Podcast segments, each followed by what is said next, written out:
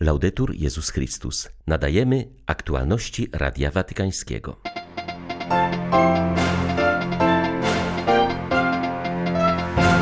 Papież zachęca do naśladowania świętej Teresy Zawili. Jest ona wzorem nie tylko dla zakonników, ale dla wszystkich, którzy dążą do zjednoczenia z Bogiem, napisał Franciszek. Mija 35 lat od wizyty Jana Pawła II w rzymskiej synagodze. Ten gest kompletnie zmienił nasze relacje, przyznaje aktualny rabin Rzymu. W związku z zaognieniem sytuacji na rosyjsko-ukraińskiej granicy, zwierzchnicy religijni na Ukrainie wystosowali wspólny apel o pokój. 13 kwietnia witają Państwa Krzysztof Bronk i Łukasz Sośniak. Zapraszamy na serwis informacyjny. Święta Teresa Zawili jest wzorem nie tylko dla osób powołanych do życia zakonnego, ale dla wszystkich, którzy pragną się oczyszczać ze światowości i dążyć do zjednoczenia z Bogiem. Pisze papież w przesłaniu do uczestników Międzynarodowego Kongresu z okazji 50. rocznicy uznania tej świętej za doktora Kościoła. Odbywa się on na Katolickim Uniwersytecie w Awili. Franciszek zauważa, że otrzymane przez nią dary mistyczne przenosiły ją do nieba. Święta Teresa potrafiła też jednak przenosić niebo na ziemię, ponieważ jej życie stawało się przybytkiem Boga, w którym dla wszystkich było miejsce. Odwołując się do Pawła VI, który zaliczył ją do doktorów Kościoła, papież przypomina o wyjątkowej odwadze, inteligencji i wytrwałości tej świętej, która łączyła w sobie wrażliwość na piękno z duchowym macierzyństwem względem wszystkich, którzy się zbliżali do jej dzieła. Jest w tym przykładem nadzwyczajnej roli, jaką odegrały kobiety w dziejach Kościoła i społeczeństwa. Choć dzieli nas od niej pięć wieków, płomień, który zapalił w niej Jezus, nadal jaśnieje w tym świecie, który nadal potrzebuje odważnych świadków, pisze papież. Podkreśla on, że jej przesłanie jest przeznaczone dla wszystkich. Kiedy je poznajemy i kontemplujemy, pociąga nas piękno słowa oraz prawdziwość zawartych w nim treści, budząc w nas pragnienie podążania po drodze doskonałości. Jej przyjaźń, towarzyszenie i kierownictwo daje nam pewność i spokój w naszym ziemskim pielgrzymowaniu, zapewnia Franciszek. Zachęca zatem do wsłuchania się w jej wezwanie, by wejść w samego siebie, spotkać Pana i dawać świadectwo że Bóg sam wystarczy. Na zakończenie papież przypomina o szczególnym nabożeństwie świętej Teresy do świętego Józefa. Obrała go sobie za mistrza, obrońcę i wspomożyciela. Jemu się zawierzała, pewna, że otrzyma łaskę, o którą prosi. Jej doświadczenie jest dla nas zachętą, aby czynić to samo. Mija 35 lat od historycznej wizyty Jana Pawła II w rzymskiej synagodze. Aktualny rabin Rzymu podkreśla, że ten gest otwarcia zupełnie zmienił relacje katolicko-żydowskie. Przypomina też, że właśnie w czasie tej wizyty papież Polak wypowiedział słynne słowa nazywając Żydów starszymi braćmi wierze. Rabin Riccardo Di Senni przypomina, że wybór Karola Wojtyły na stolicę Piotrową rozbudził pewne obawy w społeczności żydowskiej. Jak pisze, przywoływano opinię o polskim katolicyzmie jako mocno przenikniętym antysemityzmem. Szybko poznano jednak biografię Jana Pawła II i jego dobre relacje z Żydami. Rabin pisze też o trudnym kontekście politycznym, jaki towarzyszył wizycie. Państwo Izrael zostało uznane przez stolicę apostolską dopiero 8 lat po niej. Rabin Diseni ujawnia też kulisy przygotowania wizyty. Pomysł zrodził się przy obiedzie w gronie papieskich współpracowników. Ówczesny rabin Rzymu przyjął tę propozycję z ogromnym zaskoczeniem. Przekonał do niej rabinat europejski, zupełnie ignorując opinię rabinatu Izraela, który mógł stwarzać problemy. Papież Wojtyła doskonale zdawał sobie sprawę, że obraz mówi wiele więcej niż słowa. Jego uścisk z rabinem Eliotoafem stał się ikoną tej wizyty, która sprawiła, że dotychczasowe niedomówienia w dwustronnych relacjach zaczęły znikać, wspomina Diseni. Podkreśla, że od wizyty Jana Pawła II w rzymskiej synagodze relacje katolicko-żydowskie uległy radykalnej zmianie. W związku z zaognieniem sytuacji na pograniczu ukraińsko-rosyjskim, Ukraińska Rada Kościołów i Organizacji Religijnych zwróciła się do wszystkich, którzy mają wpływ na to, co tam się dzieje, do poszukiwania rozwiązań, które zmierzać będą do pokojowego rozwiązania trwającego już 7 lat konfliktu zbrojnego. Przedstawiciele kościołów i organizacji religijnych działających na Ukrainie z niepokojem przyglądają się wzrostowi napięcia militarnego na Donbasie. Wyrazili to podczas wspólnej odezwy ogłoszonej w Kijowie. Jak podkreślają sygnatariusze tego dokumentu u progu świąt wielkanocnych, jakie wkrótce będą obchodzili chrześcijanie kościołów wschodnich. Napięcie zbrojne w obwodach donieckim i ługańskim nie pozwala na spokojne przygotowanie do świąt i ich przeżywanie. Członkowie Rady przypomnieli o podpisywanych już i niestety nieprzestrzeganych deklaracjach o zawieszeniu broni w tym regionie. Rada zaapelowała do przedstawicieli organizacji międzynarodowych i korpusu dyplomatycznego obecnego na Ukrainie o poparcie dla pokojowego procesu rozwiązania konfliktu na wschodzie kraju. Ukraińska Rada Kościołów i Organizacji Religijnych skupia w swoich szeregach przedstawicieli kościołów chrześcijańskich i wyznawców innych religii. Z Ukrainy dla Radia Watykańskiego ksiądz Mariusz Krawiec, Paulista. W ostatnich dniach birmańskie siły bezpieczeństwa przeprowadziły kolejne rewizje w budynkach należących do Kościoła katolickiego i innych wyznań chrześcijańskich. Żołnierze i policja poszukiwali ukrywających się opozycjonistów oraz materiałów krytykujących wojskowy reżim, który na drodze zamachu stanu przejął władzę w Birmie. Przeszukane zostały co najmniej cztery kościoły katolickie w wioskach i jeden w drugim co do wielkości mieście Birmy.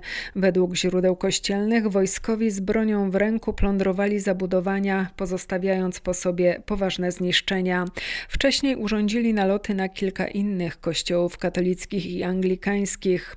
W kościele baptystów władze zatrzymały ponad dziesięciu duchownych i pracowników, którzy później zostali uwolnieni. Według doniesień w jednym z kościelnych budynków przeszukujący go żołnierze oddali kilka strzałów do protestujących, którzy rzekomo wbiegli na teren posesji.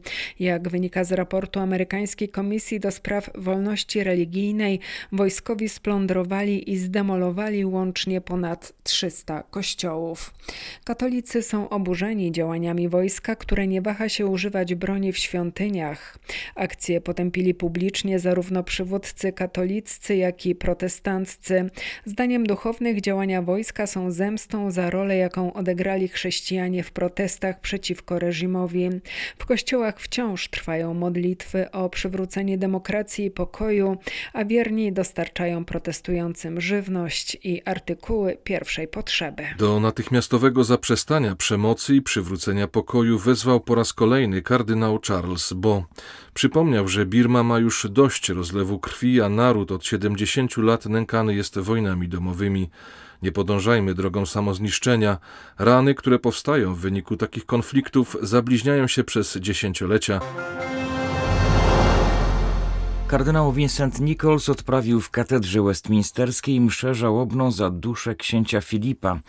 Prosząc o modlitwę w intencji zmarłego i jego rodziny, powiedział: Każda pogrążona w smutku rodzina potrzebuje pocieszenia i wsparcia, nie bardziej niż pogrążona w żałobie żona, a nasza królowa. Niech więc nasze modlitwy przyczynią się do jej pocieszenia i wsparcia. Pogrzeb księcia Filipa w kaplicy świętego Jerzego na zamku w Windsorze odbędzie się w sobotę 17 kwietnia o godzinie 15. Będzie to skromna uroczystość, w której weźmie udział tylko 30 osób. Ceremonię poprowadzi wielebny Justin Welby, anglikański arcybiskup Canterbury. Modlący się w ostatnią sobotę w katedrze westminsterskiej kardynał Nichols zwrócił uwagę na konieczność modlitwy za duszę księcia Filipa, a także za jego pogrążoną w żałobie żonę. Przypomniał również słowa ubiegłorocznego orędzia królowej z okazji Bożego Narodzenia, którym tak wyraźnie podkreśliła: Nauki Chrystusa zawsze służyły jako moje wewnętrzne światło. Cytując te słowa, kardynał Nichols powiedział: Jak bardzo się modlimy, aby to światło Chrystusa dało jej pociechę, ciepło i nadzieję. Dla Radia Watykańskiego Elżbieta Sobolewska-Farbotko, Radio Bobola, Londyn. Błogosławieństwo to akt, który angażuje Kościół, bo poprzez ten znak przekazuje on łaskę Boga. Dlatego błogosławić można tylko to, co jest dobre, na przykład posiłek czy dom, przypomina ksiądz Xavier Dijon, znany belgijski jezuita, profesor prawa i filozof, tłumacząc na łamach dziennika La Libre Belgique, dlaczego Kościół odmawia błogosławieństwa parom jednopłciowym. Jego jasne stanowisko w tej sprawie to poważny wyłom w katolickim establishmencie w tym kraju. Wydana przed miesiącem deklaracja Kongregacji Nauki Wiary w sprawie zakazu błogosławienia związków homoseksualnych została negatywnie przyjęta przez belgijski kościół. Otwarcie odrzucił ją biskup Johann Bony, ordynariusz Antwerpii i wiceprzewodniczący episkopatu, który w związku z przedłużającą się chorobą kardynała de Kessela najczęściej reprezentuje dziś na zewnątrz belgijskich biskupów. Ksiądz Dijon, były prowincjał jezuitów, otwarcie broni decyzji stolicy apostolskiej, przypominając, że w opinii Kościoła związek homoseksualny, niezależnie od intencji poszczególnych osób, nie odpowiada stwórczemu planowi Boga względem człowieka, kobiety i mężczyzny. Dlatego nie można go błogosławić. Nie jest on drogą do świętości, bo świętość to nie tylko kwestia dobrych intencji. Istnieje obiektywna sprzeczność między związkiem jednopłciowym a tym, co Bóg nam objawił w Biblii, zauważa ksiądz Dijon. Zapytany, dlaczego zatem Pan Bóg dopuszcza homoseksualizm, odpowiedział: Bo Bóg dopuszcza wszystko, zostawia nas wolnych. Dopuszcza również grzech, wojny, przemoc. Sam fakt, że odczuwam w sobie jakąś skłonność, nie oznacza, że jest ona dobra. Belgijski jezuita zastrzega jednak, że wszystko to nie oznacza, że homoseksualiści nie mogą stać się świętymi. Przytaczając słynne już zdanie papieża Franciszka, kimże ja jestem, abym ich sądził, podkreśla, że powstrzymywanie się od sądzenia poszczególnych osób nie oznacza, że nie mogę powiedzieć, iż obiektywnie homoseksualizm jest nieuporządkowaniem. Arcybiskup San Francisco odprawił mszę o uwolnienie od wirusa rasizmu, który jego zdaniem trapi to amerykańskie miasto. Ubolewamy nad wzrostem przemocy na tle rasowym, zwłaszcza w stosunku do Azjatów. To smutne, że dzieje się tak w mieście, które zawsze było uważane za przyjazny port dla wszystkich przybyszów.